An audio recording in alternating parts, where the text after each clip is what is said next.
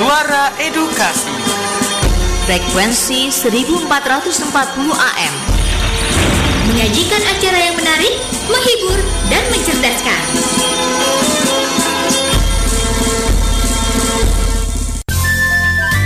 Waktu berputar dan perjalanan peristiwa pun berjalan. Ikuti terus info edukasi, sebuah informasi pendidikan dari Radio Edukasi. Info Edukasi, informasi pendidikan Radio Edukasi. Dari Jalan RE Marta Dinata Ciputat 1440 AM. Suara edukasi akrab dan mencerdaskan. Halo, halo, halo. Assalamualaikum warahmatullahi wabarakatuh. Selamat siang, sahabat edukasi. Aku Rabari kembali menemani, menyapa, dan tentunya sama-sama mengajak sahabat edukasi di luar sana untuk tetap patuhi protokol kesehatan, jaga kesehatan, gunakan masker saat beraktivitas, menjaga jarak dan juga rajin mencuci tangan. Dan yang lebih terpenting lagi, kita harus sama-sama bahagia. Oke, sahabat edukasi, info edukasi akan mengawal dan menginformasikan informasi terkini dari dunia pendidikan dan kebudayaan. Dan eh, berikut informasi yang akan hadir, informasi yang pertama.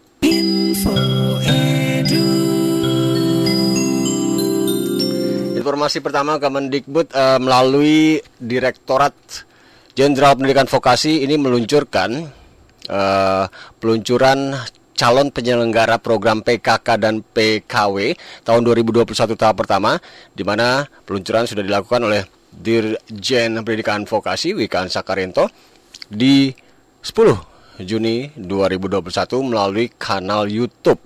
Kanal YouTube Direktorat Jenderal Pendidikan Vokasi dan tentunya untuk peluncuran calon penyelenggara program pendidikan kecakapan kerja atau PKK dan program pendidikan kecakapan wirausaha PKW di tahun 2021 tahap pertama ini dana yang akan dicairkan sejumlah 65 miliar rupiah. Berikut informasi dan juga uh, sambutan dari Direktur Jenderal atau tepatnya dari uh, Direktur Jenderal Pendidikan Vokasi Wikan Sakarinto. Ibu dan Bapak saya hormati, Perkenanlah kami mengucapkan atau menyampaikan salam hangat dari Mas Menteri untuk Ibu dan Bapak semua, seluruh sivitas, seluruh pejuang kursus dan pelatihan se-Indonesia. Pendidikan non formal itu juga sama pendidikan eh, sama pentingnya dengan pendidikan formal. Sekali lagi, untuk vokasi non formal itu sama pentingnya dengan vokasi formal. Artinya apa yang kita uh, kuatkan hati kita untuk membangun atau mencintai lembaga kursus pelatihan harus sama dengan seperti kita mencintai SMK dan perguruan tinggi vokasi. Untuk berikutnya, perlu kami sampaikan, Direktorat Kursus dan Pelatihan, yaitu Direktorat di bawah Direktorat Jenderal Pendidikan Vokasi Kemendikbudristek, kali ini menggelar peluncuran bantuan pendidikan kecakapan kerja atau PKK pendidikan kecakapan kerja atau disingkat PKK yang menghasilkan lulusan yang siap kerja serta peluncuran untuk pendidikan kecakapan wirausaha atau PKW yang diluncurkan untuk menciptakan wirausahawan anak-anak muda kita menjadi pebisnis-pebisnis muda yang di tahun 2021 ini untuk gelombang pertama. Oleh karena itu, yang terhormat pula Bapak e, Karo Perencanaan atau yang mewakili uh, Ibu Irjen atau yang mewakili, perkenankanlah kami uh, mohon arahan untuk peluncuran ini. Semoga kita bisa kawal bersama hingga menjadi kemanfaatan yang benar-benar impactful, bukan administratif laporan aman itu saja tidak, tetapi menciptakan impact untuk Indonesia dan terutama minimal impact untuk perbaikan berkelanjutan untuk LKP itu sendiri serta rekan-rekan kita pimpinan dari eselon satu lain dari GTK atau dari Paul Dasmen kami juga mohon uh, arahan dan kerjasamanya.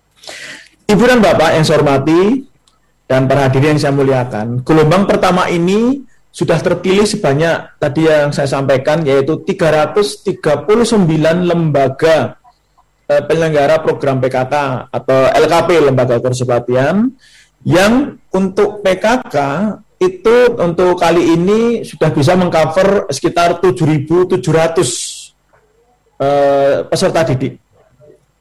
Jadi 339 yang menyelenggarakan pelatihan kerja itu mengcover 7.700 peserta didik untuk menjadi tenaga kerja siap kerja serta untuk yang PKW itu dari 389 lembaga dengan jumlah peserta didik sebanyak 7.114 orang di seluruh Indonesia. Di seluruh Indonesia. Yang harapannya 7.000 orang ini lebih insya Allah akan kita training untuk menjadi calon wirausaha juga kita akan eh, link and match kita nikahkan dengan lembaga pemodalan UMKM serta tentunya market. Jadi ketika kita melakukan kegiatan pelatihan ini tidak sekedar hanya sertifikat ukurannya, tetapi adalah impact. Tidak hanya output, tetapi impact. Ini yang harus kita kawal. Ibu dan Bapak, saat ini pandemi, iya.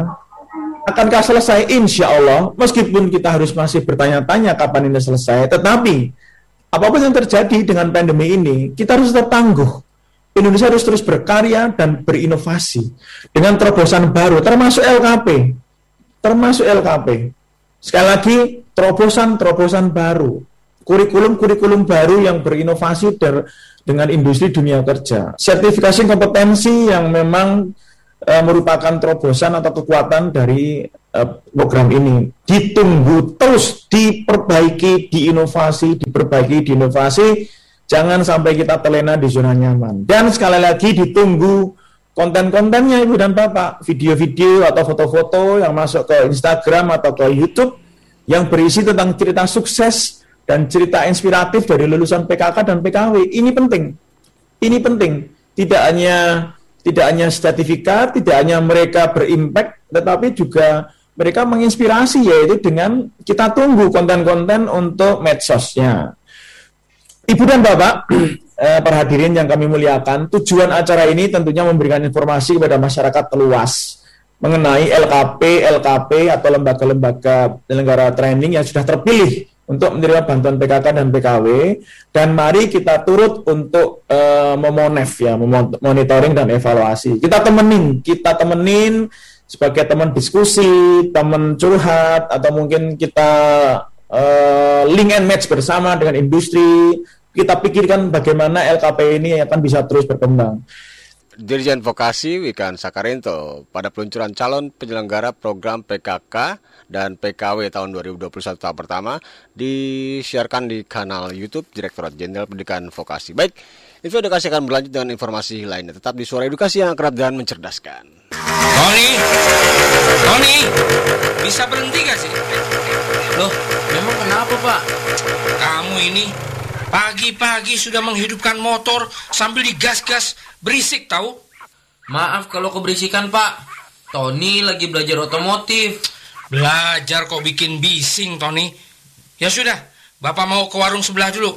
Iya pak. Loh, ada apa, Pak? Kok sepertinya lagi kesel? Iya, Bu. Anakku, si Tony. Kenapa memangnya dengan si Tony, Pak? Sejak masuk ke sekolah kejuruan, tiap hari bikin bising saja, Bu. Sabar, Pak. Sabar gimana, Bu? Sudah gitu, katanya esok mau lanjutkan lagi kuliah sesuai kejuruan yang kini ia senangi. Pusing saya, Bu. Loh, bukannya lebih bagus, Pak? Sekarang ini kan baru digalakan ya pendidikan vokasi, Pak. Vokasi? Apa itu, Bu? Pendidikan vokasi merupakan sistem pendidikan yang diarahkan pada penguasaan keahlian tertentu yang disesuaikan dengan kebutuhan industri, Pak. Hmm, gitu ya, Bu. Wah, berarti saya keliru ya, Bu ya.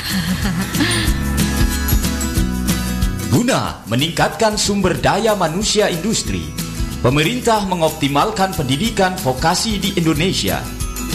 Pendidikan vokasi menyiapkan generasi muda Indonesia yang unggul, produktif, dan berdaya saing internasional.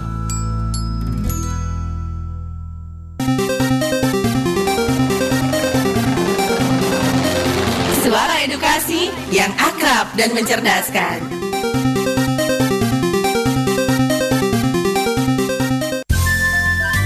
Waktu berputar dan perjalanan peristiwa pun berjalan.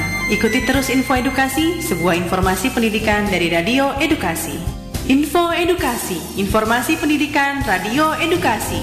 Kembali aku namanya di Info Edukasi di 1440 AM akrab dan mencerdaskan. Baik kita lanjut untuk informasi Kemendikbudristek persiapkan PTM terbatas dengan baik di mana tentunya kementerian ini menekankan pentingnya persiapan sekolah dalam rencana penyelenggaraan pembelajaran tatap muka terbatas. Sebelum melaksanakan PTM terbatas, sekolah wajib memenuhi persyaratan yang ditetapkan dalam SKB 4 Menteri dan mengedepankan prinsip kehati-hatian tentunya demi kesehatan dan keselamatan warga sekolah beserta lingkungannya. Dirjen Pendidikan Anak Usia Dini, Pendidikan Dasar dan Pendidikan Menengah Dirjen Paut Dikdasmen Jumeri mengimbau Dinas Pendidikan dan kepala sekolah untuk memastikan setiap satuan pendidikan memenuhi daftar periksa yang dipersyaratkan dalam SKB 4 Menteri tentunya dengan dana BOS dapat dioptimalkan penggunanya untuk persiapan PTM terbatas.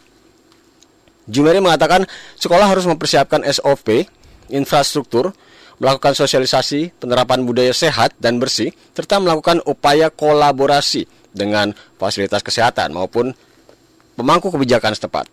Hal itu diungkapkan Jumeri saat pertemuan dengan media di virtual tentunya pada 8 Juni kemarin dan Jumeri menambahkan, bangunlah kesadaran bersama antara keluarga dengan sekolah.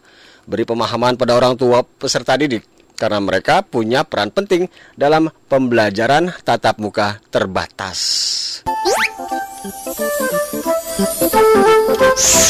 Halo sahabat Dikbud, di masa kebiasaan baru seperti sekarang ini, ingat selalu pesan ibu. Keluar rumah kalau penting saja ya nak, ingat untuk selalu 3M. 3M itu mudah dilakukan dan bisa mencegah penyebaran virus corona menggunakan masker, mencuci tangan dengan sabun dan air mengalir, menjaga jarak. Sahabat Dikbud, kalau kamu sayang keluarga, jangan bawa virus ke rumah ya. Ingat pesan ibu, ingat 3M.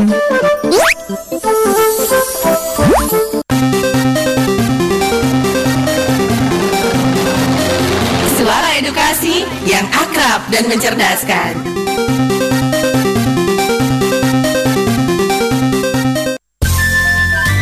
Waktu berputar dan perjalanan peristiwa pun berjalan. Ikuti terus info edukasi, sebuah informasi pendidikan dari Radio Edukasi. Info Edukasi, informasi pendidikan Radio Edukasi. Langsung dari Jalan RE Marta Dinata Ciputat 1440 AM, suara edukasi akrab dan mencerdaskan yang juga bisa dinikmati atau didengarkan di uh, laman suaraedukasi.kemdikbud.go.id. Baik, sahabat edukasi kita tuntaskan kebersamaan kita di Info Edukasi hari ini dengan satu informasi menarik. Ini ada sebuah festival film animasi cerita rakyat atau FFACR 2021 di mana Badan Pengembangan dan Pembinaan Bahasa Uh, tentunya dalam upaya melindungi bahasa dan sastra daerah serta memperkaya data bahasa daerah dalam bentuk video animasi membuat film uh, maaf membuat festival film animasi cerita rakyat dan uh, tentunya Tema yang diangkat adalah membirai harta karun kearifan lokal dalam film animasi cerita rakyat. Nah, ini seru nih sahabat edukasi. Film uh, festival film ini dengan total hadiah 75 juta rupiah. Nah, untuk lebih jelas ya, untuk lebih tahu informasinya bersama di uh, sambungan Zoom meeting uh, Agung Amari sudah terhubung dengan Ibu Anita Astriawati Ningrum Mhum, Koordinator Kelompok Kepakaran dan Layanan Profesional Pelindungan Bahasa dan Sastra Badan Pengembangan dan Pembinaan Bahasa. Betul ya Bu ya? Halo, Assalamualaikum Bu Anita. Waalaikumsalam warahmatullahi wabarakatuh. Selamat siang Pak. Selamat siang, apa kabar Bu Anita sehat? Baik, alhamdulillah sehat. Ibu, ini ini seru Bu. Yang yang menarik dari festival film animasi cerita rakyat ini hadiahnya total hadiah angkanya begitu uh, besar. 75 juta rupiah Bu. Mungkin uh, sedikit uh, profil atau juga cerita tentang festival film ini. Ini sepertinya atau maksud dari tujuan kegiatan ini apa Bu? Kalau bisa diinfokan. Ya Uh, sebenarnya ini bukan tahun pertama ya Pak ya, oh. uh, Badan Bahasa melalui Lab Bineka menyelenggarakan festival serupa. Mm-hmm. Di 2019, uh, eh, Badan Bahasa melalui Lab Bineka itu menyelenggarakan festival film pendek berbahasa daerah. Oh, sudah ada juga. Kemudian di 2020, ha, kami membuat juga festival film animasi cerita rakyat. Nah, mm-hmm. karena antusiasme yang lumayan tinggi dari masyarakat pembuat film animasi, tentu saja baik dari kalangan pelajar maupun mahasiswa dan umum kami uh, selenggarakan kembali di 2021 ini. Festival Film Animasi Cerita Rakyat begitu. Uh, tujuannya sih sebetulnya um, karena film, film animasi ini kan nantinya berbahasa daerah ya pak ya? Betul. Jadi kalau uh, bahasa yang digunakan bahasa daerah kemudian diminta karir berbahasa Indonesia. Ah, nah kami berharapnya festival film animasi ini uh, upaya perlindungan bahasa dan sastra daerah itu tidak hanya uh, digerakkan oleh orang-orang uh, yang bergerak di bidang bahasa dan sastra, hmm. tapi juga kreator-kreator film animasi ya, seperti ya. itu. Jadi ada ada ada ada uh, katakanlah media lain atau teman-teman uh, dari bidang lain pun yang juga uh, menginformasikan, mem mempublikasikan, mempromosikan bahasa daerah melalui cara yang menarik film animasi ya Bu ya betul ya? Iya, iya apalagi sekarang kita lihat uh, film animasi bisa jadi apa ya sarana edukasi yang lumayan menarik untuk generasi muda. Harapannya ya dengan cara-cara menarik itu makin banyak generasi muda yang tertarik untuk mempelajari bahasa dan sastra daerah. Oke, Bu Anita kalau dari pengalaman eh, tahun-tahun uh, sebelumnya hmm. ter terkait lomba ini ada hasil atau outputnya yang yang sudah muncul ini apa produk-produk apa bu film-film ber apa namanya ber, bertem atau cerita-cerita apa saja yang sudah ada? Uh, ya uh, kebanyak ya. Karena judulnya film animasi cerita rakyat ya. Memang eh, film-film uh, yang diangkat itu uh, bersumber dari ide-idenya bersumber dari cerita rakyat yang ada di seluruh Indonesia. Hal-hal yang menarik itu uh, mungkin kalau selama ini kita cenderung melihat cerita rakyat itu ya cerita rakyat yang kebanyakan kita dengar saja yeah. gitu ya di masyarakat. Timun Mas, Timun Wanara, Malin Kudang, bawang merah, bawang putih semacam itulah ya. Ternyata uh, kalau kita amati ya, kalau kita mau menggali lebih dalam, masih banyak khasanah cerita rakyat Indonesia oh. yang sebetulnya perlu untuk digali dan dari pengalaman tahun lalu sih kreativitas para pembuat film animasi baik kategori pelajar maupun mahasiswa dan umum itu uh, ini ya sangat kreatif gitu. Jadi ada yang menggabungkan beberapa cerita rakyat ke dalam satu film ada yang mengembangkan karakter tokohnya menjadi sedemikian rupa gitu. Hal-hal seperti itu.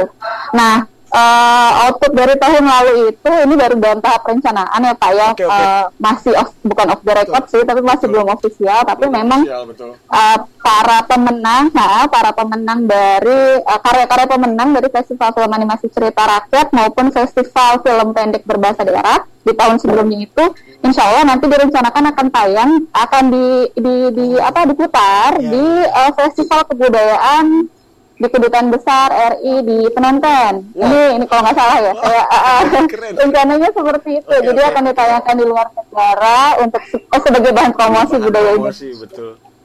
Betul ini ada ada temanya membirai harta karun. Saya sedikit penasaran sih, membirai itu apa sih kalau membirai? Iya, ini memang kosakata yang jarang kita jarang, dengar ya Pak ya. Kemarin juga teman-teman ini membirai nanti pada paham nggak ya? ya? Harapan kami ketika uh, masyarakat bertanya-tanya birai itu apa ya? Hmm. Mereka buka KBB ini kemudian Betul. jadi tahu birai sebenarnya saya katanya birai, birai itu artinya bingkai. Jadi oh. memang sebetulnya ya membingkai, membingkai. harta karun kearifan lokal dalam film animasi. Jadi ya itu kami berharapnya uh, harta karun kearifan lokal dalam dalam cerita rakyat itu digali sebanyak-banyaknya oleh para peserta. Hasanah cerita rakyat kita tuh uh, digali sebanyak-banyaknya untuk ditampilkan dalam film animasi. Jadi cerita-cerita yang muncul tuh nggak lagi-lagi cerita yang itu itu aja, tapi cerita-cerita lain yang sebetulnya sangat banyak juga bisa dijadikan ide dan inspirasi. Betul. Ada batasan nggak sih Bu Anita? Maksudnya batasan misalnya, uh, oh cerita ini sudah udah sudah pernah sudah sudah pernah dibuat. Ada ada batasan seperti itu nggak? Untuk uh, kalau batasan itu paling Ah, kalau untuk ide cerita yang penting belum pernah dipublikasikan oh, ya. Iya, iya. Karya itu belum pernah dipublikasikan, belum pernah diikut sertakan di dalam lomba sejenis tapi kalau misalnya apakah harus cerita yang uh, ini udah misalnya nih tahun lalu ada cerita tentang Timun Mas. Hmm. Kalau tahun tahun ini pun ada ada temanya tentang Timun Mas misalnya, tapi dengan uh, pengembangan karakter dan ide cerita yang menarik, itu masih boleh-boleh aja gitu. Hmm. Yang yang penting yang kami nilai itu ada ada ide ceritanya, kemudian originalitas ceritanya, kemudian juga uh, uh, kreativitas di dalamnya dan ada tentunya namanya kita bicara kearifan lokal dan cerita rakyat ada pesannya ya ada pesan yang ingin disampaikan kepada masyarakat gitu. Ada ada ini ada apa namanya uh, sudah sudah berapa ya yang daftar atau ada data-data yang antusiasnya seperti apa sejauh ini untuk yang tahun ya, 2021. Uh, 2021 ya Pak ya. Ya, 2021. Untuk pendaftar nih kami panitia belum buka-buka formulir pendaftarannya, oh, gitu, belum tapi... belum tahu yang masuk berapa, betul, tapi betul, untuk yang bertanya mm -hmm. informasi mengenai penyelenggaraan festival ini cukup banyak. Mm. Uh, terakhir itu memang dari komunitas di Papua ya kalau saya dengar gitu. Dan teman-teman di daerah itu cukup antusias Pak. Mungkin apa ya?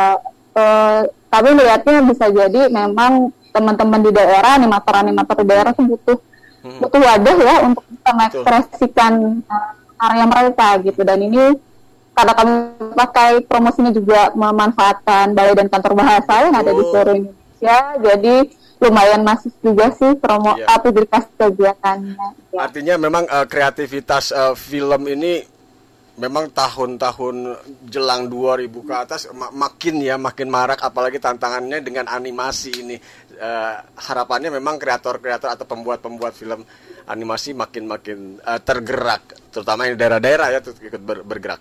Oke, okay, uh, eh, Ibu Anita uh, terakhir kalau dari dari goal kegiatan ini yang ingin disampaikan atau juga pesan yang ingin dibawa oleh teman-teman dari Badan Bahasa apa sih sebenarnya? Hmm, yang ya di ujungnya gitu ya, di yang paling utamanya sih sebetulnya uh, upaya pelindungan bahasa dan sastra daerah itu tidak hanya dilakukan oleh para pegiat bahasa dan sastra sih sebetulnya. Kita bisa melakukan banyak hal untuk uh, dalam rangka uh, melindungi bahasa dan sastra daerah kita gitu. Bahkan teman-teman yang bergerak di industri kreatif juga bisa punya andil kok dalam melestarikan uh, budaya Indonesia itu sih. Oke, ya seperti ini ya bergerak bersama gitu ya tentunya ya sama-sama nah, pendidikan betul. Indonesia. Berkolaborasi ya pak ya. Iya. Betul. Okay. ada ada uh, pemutahiran wah saya jadi terbiasa nih update. ada pemutahiran dengan, dengan uh, lab bineka kah yang juga bisa disampaikan silakan wanita. Hmm, sejauh ini untuk lab bineka baru uh, kami akan menyelenggarakan festival film animasi cerita rakyat. Nah, nanti uh, mungkin akan ada beberapa privilege gitu ya, akan ada beberapa hak khusus yang diberikan kepada peserta yang mengikuti gitu, semacam pembekalan-pembekalan oh. tentang pembuatan film animasi, pembuatan takarir dan lain sebagainya. Hal sifatnya teknis iya. sih gitu itu keren, aja. Keren, keren. Oke, Ibu Anita terima kasih banyak Ibu Anita Astriawati Ningrum Emhum, koordinator kelompok kepakaran dan layanan profesional pelindungan bahasa dan sastra Badan Bahasa Kemendikbudristek. Ini namanya yang baru nih saya juga masih belum pakai Kemendikbudristek. Oke, Bu Anita, terima kasih banyak. Sukses terus untuk untuk uh, apa namanya karir dan juga uh, namanya Badan Bahasa dan salam sehat tentunya. Wassalamualaikum warahmatullahi wabarakatuh. Salam sehat. Waalaikumsalam warahmatullahi wabarakatuh. Baik, sahabat edukasi, kita sudah ngobrol-ngobrol dengan Ibu Anita yang juga tentunya uh, sebagai koordinator kelompok kepakaran dan layanan profesional pelindungan bahasa dan sastra Badan Pengembangan dan Pembinaan Bahasa yang sudah menginformasikan ada sebuah lomba festival film animasi cerita rakyat tema membirai harta karun kearifan lokal dalam film animasi cerita rakyat dan hadiah totalnya 75 juta rupiah. Ini jadi daya tarik daya pikat tersendiri tentunya. Silahkan buka uh, web atau juga laman uh, dari Badan Bahasa yaitu di web atau di laman Badan Bahasa uh, Kemdikbud Badan Bahasa titik Kemdikbud titik go titik id. Oke, sahabat edukasi, informasi tadi menutup kebersamaan kita di info edukasi hari ini dan selain ada program lain, acara lain yang juga tentunya menarik untuk tetap disimak, untuk tetap didengarkan hanya di Suara Edukasi yang akrab dan mencerdaskan. Agung Ramadi pamit. Wassalamualaikum warahmatullahi wabarakatuh. Bye bye. Info.